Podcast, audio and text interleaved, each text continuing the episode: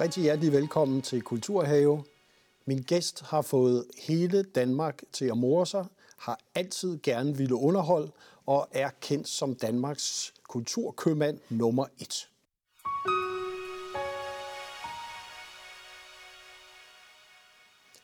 Og velkommen til dig, Ernst Trillingsgaard, også kaldet Trille. Tak for det. Uh, vi er nødt til bare lige, du er ved at runde et skarpt hjørne, vi er jo nødt til lige at have en kort historie om dig selv. Det hele startede i Holstebro. Øh, den her, ja, den, min tilværelse inden for underholdning startede i Holstebro. Nærmere betegnet det helt tilbage i 1965, hvor um, der var jeg i Tyskland og skulle være fiskeeksportør. Man havde været i en halv før Vilsundhallen, og um, så var der en stilling, der blev opslået. Et helt ny hal med scene, stor scene på midten. Altså med helt moderne teknik, finansieret af Kulturministeriet. Og der søgte man en direktør, og um, jeg var ikke uh, særlig interesseret, fordi jeg havde det godt i Tyskland. Men uh, min far syntes, jeg skulle søge den, uh, fordi jeg vidste en lille smule om det, og så tænkte jeg, jeg godt søge den. Jeg får den ikke alligevel, og så kan jeg blive i Tyskland. Men uh, så kom jeg derop, og så blev jeg tilbudt stillingen, og så kunne jeg så vælge, vil jeg være fiskeeksportør, eller vil jeg inden for underholdning. Og så valgte jeg så det sidste. Ja. Og så kan man sige, startede en karriere, som så virkelig har været i underholdningen og kulturens tegn. Og det startede jo med en ABC-revy, der skulle til Holstebro, øh, og en samtale med Preben Kås. Ja, det gjorde det. Vi havde jo en masse gæstespil, men øh, vi kunne jo sagtens se, det kan alle se, at det er jo lettere at sætte lettere til den lettere underholdning end en tunge. Og øh, jeg havde været i ABC-teater og tænkt, øh, hvis måske kunne man få Preben Kors til at flytte ABC-teateret til Holstebro en uge, og så se, hvordan det gik. Jeg tog over til Preben, og det er en lang historie, den korter vi ned til, at det blev øh, resultat af en uge. Øh, det var jo privat drevet, så han gik, det gik jo sådan op og ned, og Preben manglede penge øh, eller havde, mangler mange, i hvert fald brug for dem. Og, og så tog vi og flyttede ABC Teater over en uge til Holstebro, og så var der udsolgt med det samme, og busser fra hele Jylland. Og så tænkte jeg, nå, der er, det, der er et sted, vi skal gå ind netop i den der lettere underholdning, revy, show videre. Og der kan man sige, så startede der et liv, kan vi roligt sige, i revyen, Øh, og en af de store personligheder, du så præsenterede i Holstebro, det var jo Dirk Passer. Ja, vi startede jo der i 69 med, med Louis Renard, som øh, var jo super optimist og heldigvis. Og så gik det med alle de kendte, Erik Påsk og Karl Stegger, Margrit Vibe, Buster Larsen osv. Og så i 75, øh, Dirk Passer, som jeg havde spurgt. Jeg kendte godt Dirk, og havde været sammen med ham både øh, at se teater og bagefter også, og hygget og alt muligt. Men han ville ikke til provinsen, fordi alle pengene var jo i København, film og radio og teater og så videre. Og kort fortalt, så mødte han en pige, der hed Bente, der var noget yngre, og bladene, BT, Ekstrablad, Se og Hør og Bælleblad, det var efter ham hele morgen, middag og aften. Og det blev han alvorligt træt af. Og så sagde han, nu vil jeg godt, kan vi tale om det, tog det over, og vi blev så enige om, at han skulle til Holstebro, mod at han fik et sommerhus, der lå helt, helt ude i Vesterhavet, og som ingen vidste, hvor det var. Fordi bladene var, øh, ugebladene, dagbladene var stadigvæk efter ham. Men det fik vi skjult godt, og så øh, fik vi en dejlig revy med Dirk. Øh, første år syv uger, næste år ni uger med udsolgt hus, inden vi, start, inden vi havde premiere faktisk. Og det gjorde jo for det første, at vi øh, fik revyen rigtig på landkort, og vi tjente penge. Og Dirk fik to år, hvor han øh, gik meget væk fra whiskyen, fik gået ture i Vesterhavet, uh, spille golf i øvrigt også, og så videre, sammen med Bente. Og så man senere skrev, det er de to bedste år i mit liv, fordi han var væk fra alt af presset i København. Både det, der pressede ham teatermæssigt, men også med at komme ud og og drikke whisky med vennerne og alt sådan noget. Og det blev altså to kæmpe sæsoner for os, men absolut også for Dirk. Og det var jo glædeligt sig selv, selvom han var begyndt at skrændte en lille smule med hjertet. Ja. Og det førte så din tid i Holstebro til, at du så, skal vi sige, i 85, så sker der noget. Ja, I 85 blev jeg ringet op af en mig ukendt person, der hedder Torben Petersen, øh, senere kendt som Torben Træsko. og, og revyen, Cirkusrevyen på Bakken havde givet underskud i 2-3-4 år, lå i ruiner faktisk, mere eller mindre i hvert fald, og truede med at lukke. Og hvis den lukkede, så ville det jo gå ud over hele bakken selvfølgelig. Alle restauranter og så videre og så videre og så videre. Altså, Cirkusrevyen var jo centrum i, uh, på bakken. Og så sagde han, at jeg har hørt, at du har lidt øhm, forstand på, på revy, og jeg er ved at overtage øh, Cirkusrevyen sammen med nogle andre. Og øh, vil du hjælpe mig det? Så sagde jeg, det vil jeg godt, hvis Lisbeth, altså Lisbeth Dahl, vil være med. Fordi jeg havde jo sammen, haft Lisbeth Dahl i Holstebro flere gange, både som skuespiller og som instruktør. Og vi arbejder så godt sammen. Så jeg sagde, hvis Lisbeth vil med, så vil jeg også. Og ringede jeg til Lisbeth og sagde, vil øh, du være med sådan og sådan? Ja, vil du, sagde hun. Ja, jeg vil, hvis du vil. Okay. Så siger vi sgu ja. Hvilket var vanvittigt, for det var lige efter jul, og Sjævsrevyen skulle have premiere i juni, og vi skulle spille revy i Holstebro. Ja, nu skal man høre efter. I Holstebro, august-september, som Lisbeth også skulle med i og instruere. Og undervejs fik jeg så samtidig tilbudt stillingen i Aalborg Kongress- og Kulturcenter, også i 85. Det hele det skete det år der. Og øhm, vi kør, gik i gang, og vi kunne ikke få skuespillere, fordi der var der ingen, der var med. Fordi det havde været fiasko, ikke? Så vi spurgte Gud hver mand, men der var ingen, nej tak, nej tak, nej tak. Og, og hvem, hvem fik du så egentlig? Ja, så kom vi jo til øh, april, der havde vi så Erik Påske, som vi også har haft i Holstebro. Og så satte vi annonce i, Sjævsrevyen genopstår med Lisbeth Dahl, Erik Påske og mange flere kendte danske kunstnere. Men du havde, du havde ikke flere på det vi tidspunkt? Vi havde ikke flere. Nej. Og vi, og vi havde sagt, at vi kører. Og så fik vi Bjørn Pugård med, og så fik vi Kirsten Rolfs og Kirsten Lefeldt. Og så havde vi faktisk øh, det første hold øh, til at, at slappe igennem, også fordi det var 50 år siden den første cirkusryge havde været, så vi kunne bruge nogle af det stof, der var for eksempel flyve op imod himlen og bede om dejligt vejr og nogle af de andre. Og øh, så kom vi igennem med nogenlunde fint resultat, og så året efter fik vi så øh, overtalt Ulf, overtalt Ulf øh, og Claus Rysgaard til at komme med. Og Når jeg kan... siger overtalt, så fordi det også var revy dengang i Tivoli, så man slås lidt om de store navne. Og det vil sige, det, det makkerpar, som er Ryse, Ulf Pilgaard og Lisbeth Dahl og Revyen, som vi jo forbinder med revy her i Danmark. Ja. Det blev skabt der. det blev skabt der. Ja. Og vi regnede jo med, og jeg betænkte mig jo, at de skulle gæstespille i Aalborg hvert år, når de var færdige på bakken. Fordi der var jeg jo som nævnt lige kommet til Aalborg. Så der og det har de så gjort i 35 år. Det har de gjort i 35 år. Vi troede, det var 6-7 år, men nu er der... Vi har jo lige haft møde om, om revyen i år sammen med forfatteren, så det er 36. gang, øh, vi skal lave revy.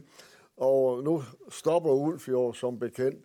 Men da vi først havde det der triumvirat med Lisbeth og Ulf og, og Claus Ryskær, så gik det jo opad og opad. Så skiftede vi selvfølgelig andre skuespillere. Og så døde Claus Ryskær desværre. Men det var selve grundfundamentet øh, med Torben som chef og Lisbeth øh, som, det er jo hende, der instruerer, det er hende, der er hold i det. Og det, jeg laver, det er, at jeg sidder redigerer op til premieren og sådan noget. Ikke instruere, for det kan jeg ikke.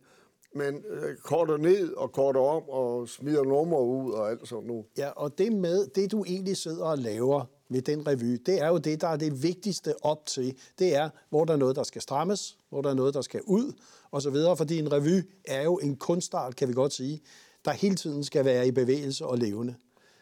Ja, du skal jo hele tiden have det ligesom et, et, et Vesterhav op og ned. Altså er der noget et halvdårligt nummer, skal det jo skjules bag et godt nummer, og, og så videre. Og sidste år for eksempel lavede vi uh, otte rækkefølger, inden vi var færdige, og smed nogen ud og skiftede om fra første akt til anden akt, anden akt til første akt, og så videre. Det er sådan nogle ting. Og jeg er heller ikke god til at læse tekster. Uh, det må jeg indrømme. Og jeg, når jeg får dem tilsendt, ved jeg heller ikke, hvem der er skrevet, for jeg er bange for, måske der spille følelser ind i det.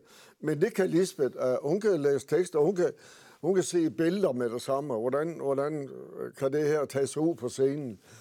Og det er hun er fænomenal til. Og jeg tænkte på, Ernst, det der skete i Aalborg, da du startede der, det var jo en rejse, hvor Aalborg virkelig kom på landkortet.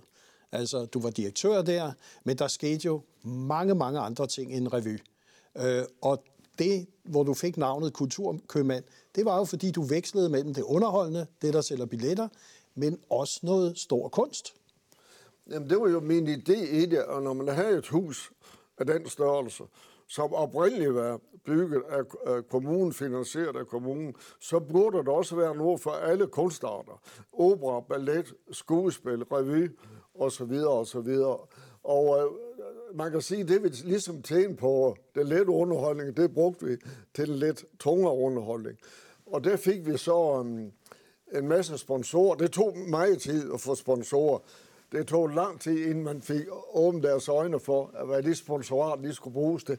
Til de store udenlandske kompanier, Bolshoi og Skala og Berlin Operan og så videre, og, og um, Kiev. Det er jo 200 mennesker, der kommer. Det er jo noget, der koster penge med transport og fly og overnatning. Og øh, det fik vi så sponsorer til. Og det gjorde også, at vi kunne få nogle af verdens største solister. Øh, vi har jo haft stort set alt, øh, hvad der kan krybe og gå af, af solister. Sådan at du fik det der, det, det brede spektrum, at uanset hvad du er interesseret så kunne du på et tidspunkt komme ind og se det. Vi havde selvfølgelig ikke så mange balletforestillinger, som vi havde revyer. Det er indløsende. Men vi havde det. Mm. Sådan at folk hele tiden var, vi var hele tiden dækket ind over for publikum. Og jeg tænkte, du er om nogen mester i markedsføring, og det har du jo været. Der, altså, jeg ved ikke, hvor mange gange vi ikke har set Trille og Aalborg øh, i alle mulige øh, medier. Og en af de måder, som du virkelig fik markedsført hele Aalborg, kan vi godt sige, ud over Aalborg og så videre, det var en idé om at lave en park of music. Ja. Og hvad var det egentlig det? Jamen, så mig andet, så var det sådan mere eller mindre til, tilfældigt. Øh, vi havde oprindeligt plantet et træ i Holstebro med Victor Borg. Og der var den her tanke slet ikke opstået. Og det går mange år, inden jeg kommer i tanke om, øh, det kunne være sjovt måske, at de store internationale, altså verdenskendte kunstnere, plante et træ. Der var ikke danskere, det var kun uden for landets rige og grænser. Og øhm, så spurgte jeg Cliff Richard, som jeg kendte og havde lavet nogle koncerter med, om han ville plante et træ. Og ved du hvad, Trille? Det skal vi lige se, hvad det var, der skete allerførste gang, der blev plantet et træ. Det, det kommer her. Ja. Nå.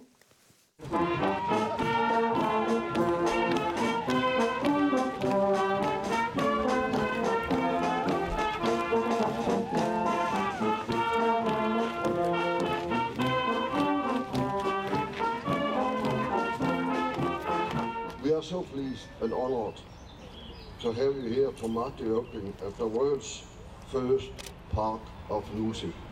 It needs to be, it needs to be straighter. No, that's, that's, a, yeah. that's good. This way. No, no, no, this way. This way. Over here. Okay. Um, I declare this tree planted.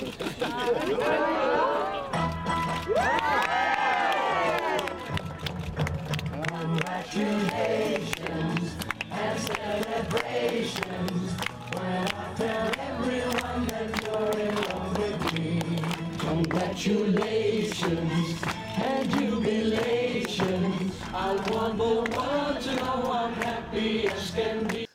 Mit navn er Christian Have, og min gæst her i Kulturhave er Trille, også kendt som Ernst Trillingsgaard, som fortæller om hele sit liv i revyen, om morskaben, og også hvordan det var at placere Aalborg på landkortet, kan vi sige, både nationalt og internationalt.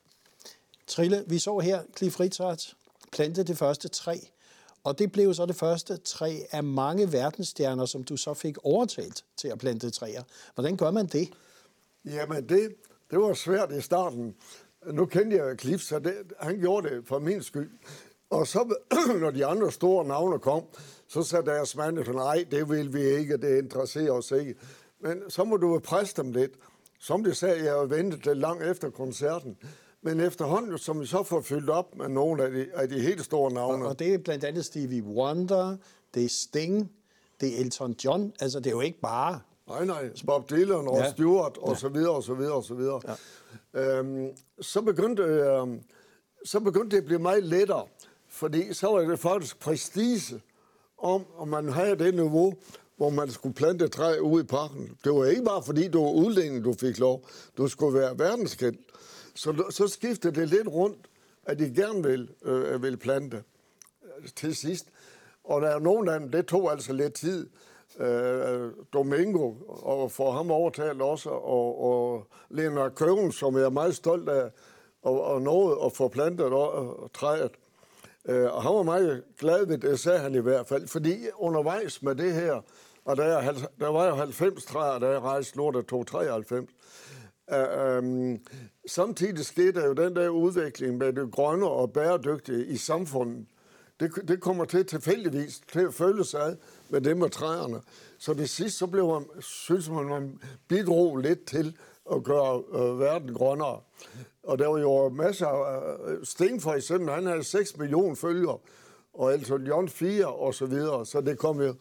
Det blev kendt ud over den ganske verden. Ja, så det var, det var en fantastisk måde at lave markedsføring af, af både dit, dit sted og kongresscenteret ja. og Aalborg og så videre. Og, og de 90, 92, 93, det er jo sådan, at man kan trykke på en knap, ikke? Og så kan man høre musikken. Ja, du fik lavet sådan en lille øh, stolpe foran med et knap, og så går du gå hen og trykke på den. Og så kommer der tre melodier af den pågældende kunstner. Det skulle vi selvfølgelig også have lov til, og det fik vi. Så nu går folk jo rundt og, og trykker. Når vi for eksempel har øhm, um, krydstogsgæster fra Amerika, så, så skal de ud og se den og trykke. Og der er været uh, nu, da jeg rejste her og stoppede, der var der, havde der været to millioner tryk.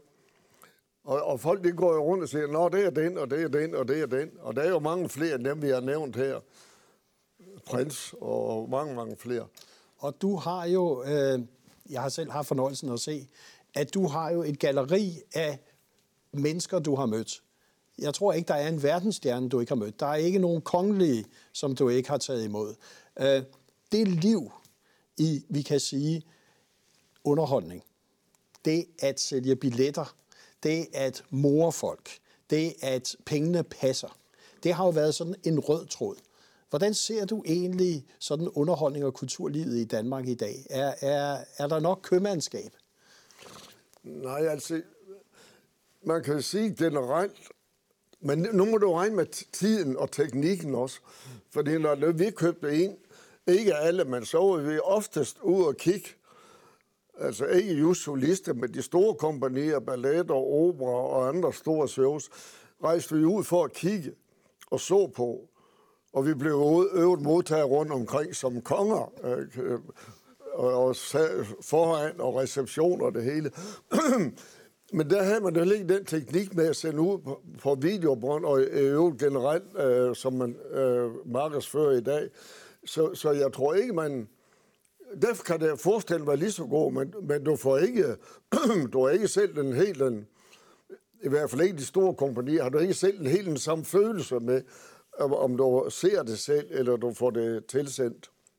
Jeg tænker på, det revy er jo virkelig en dansk national sport og kunst, art og gren. Det hele tiden, hvad er det, den revy kan? Hvad er, hvad er det, den får os til, når den er allerbedst? Jamen, revyen har jo det, altså hele grundideen i revyen er jo, at man laver humor, eller ironi, eller satire, hvad det vil, med de ting, som man synes er lidt skævt i samfundet. Det kan være politikere, det kan også være det kongelige, det er skrankerpaver, det er skattevæsen osv. Alle de ting, hvor der er lidt noget, man godt pege fingre af. Det kan man bruge revyen til, hvis forfatteren ellers er dygtige nok, til at fortælle på en morsom måde sådan folk øh, ved hjælp af, af, af humor eller ironi får, øh, får det alvorlige bragt ind og siger, vi har kig på jer, men det bliver lavet på en underholdende måde. Øh, og, og, og, men ikke satirisk. Altså, Derfor har revyen også bestået så længe. Ikke bare Sjævers, men alle revyer. Fordi man ikke laver satire, eller man laver ikke, man laver ikke ondskabsfuldheder. Satire nok, men ikke ondskabsfuldheder. Altså, når du kommer et skridt længere ud i satiren, så kommer sarkasmen jo. Og den bruger, skal man ikke bruge, for den er ondskabsfuld øh, som regel. Ikke? Det skal være sådan, at hvis nogen minister eller prins Henrik så kom en del, og andre øh, meget, meget kendte, kan komme derud og synes, det er sjovt at være der, og går derfra, og ikke være stødt. Selvfølgelig nogen, men ikke sådan, at det, at det er grimt eller uforsvarligt.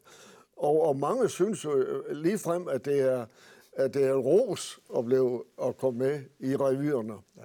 Og så har du også, hvad ikke så mange måske ved, øh, startet et museum fra faktisk, hvor du blev født. Og, på, og du må hellere selv sige øens navn, for jeg har prøvet at sige det nogle gange. så hvad er det, den hedder? Den hedder af Flyverhus, og det ja. betyder fjordhuset. Fjordhuset, Og det ja. ligger på Jægenø, som ligger syd for Mors. Ja. Og når det hedder af, så er det fordi, dengang jeg var knægt, der fandtes der ikke nogen bestemt form ligesom øh, du siger, på engelsk, er vej, er øh, skole, og så videre, og så videre, og så videre. Så derfor hedder det her flyvehus, som du jo også kan finde parallelt til på ørkenøerne og briderne, fordi, med, med hensyn til sproget. Og der er fiskeri, min far har en fiskeauktionsmester, og jeg kendte jo altid det fiskeri. Og da det stoppede efterhånden på grund af forureningen og Keminova og andre ting, så um, kom jeg i tanke om, at det måske var sjovt at lave et lille museum om det fiskeri. Og da jeg var dreng, der var jeg jo næsten 40 fiskerbåde på den ø, og nu er der ingenting, bortset fra øh, Østers og Hummer. Og øh, så prøvede jeg at samle interesse om at lave et lille museum, og vi fik nogle penge fra EU, og vi fik nogle frivillige, masser af frivillige med os. Og det blev så til museum, hvor vi nu har to små øh, museer, der er åbne for publikum, og hvor der øh, kommer mange folk selvom det er ikke ret mange, der ved, hvor Jenø ligger, så er der alligevel 50 nationer, der har besøgt det. Og det er jo igen øh, øh, bevarelse af et stykke kultur. Det er kultur på en anden måde end revyen, eller skuespil, eller balletten. Det her, det er bare en, en lokal kultur som nu folk, øh, øh, de kommer og siger, nå, der, der var min oldefar, eller min bedstefar, eller min tiboldefar. På den måde giver det historik over for mig. Øh, den sidste, vi havde, hun kom fra Mexico. Det kan godt ske, at hun skulle til Danmark alligevel. Men, men sådan har det været hele vejen rundt. Og det er jeg ret stolt af. af og det var, der blev jo også øh, en vej opkaldt efter mig. Og jeg tænkte på, når, når du nu kigger tilbage på 50 år, 55 år i dansk underholdningsbranche. Du runder et skarpt hjørne, men du laver stadigvæk årets cirkusrevy. Du holder 250 foredrag. Øh, du skal efter studiet her også ud og holde foredrag, så vi har næsten ikke tid til at snakke med dig. Øh, det, når du kigger tilbage, har du opnået alt det, du drømte om, da du som dreng på Jægenø sagde, nu skal jeg ud og se verden? Ej, det har jeg faktisk, ja. Men det, det, det er jo alt i verden solist eller to, der siger, dem vil jeg også gerne have haft. Og hvem, hvem blandt andet fik du ikke? Det er Spielberg, altså, for eksempel. Ja. Uh, ellers så ved jeg ikke... Uh, ja, nogle af de unge måske, men vi har vi også haft nogle af dem. Ja. Uh, Shakira, og, som jeg øvrigt havde 30 lastvogns tog med med udstyr.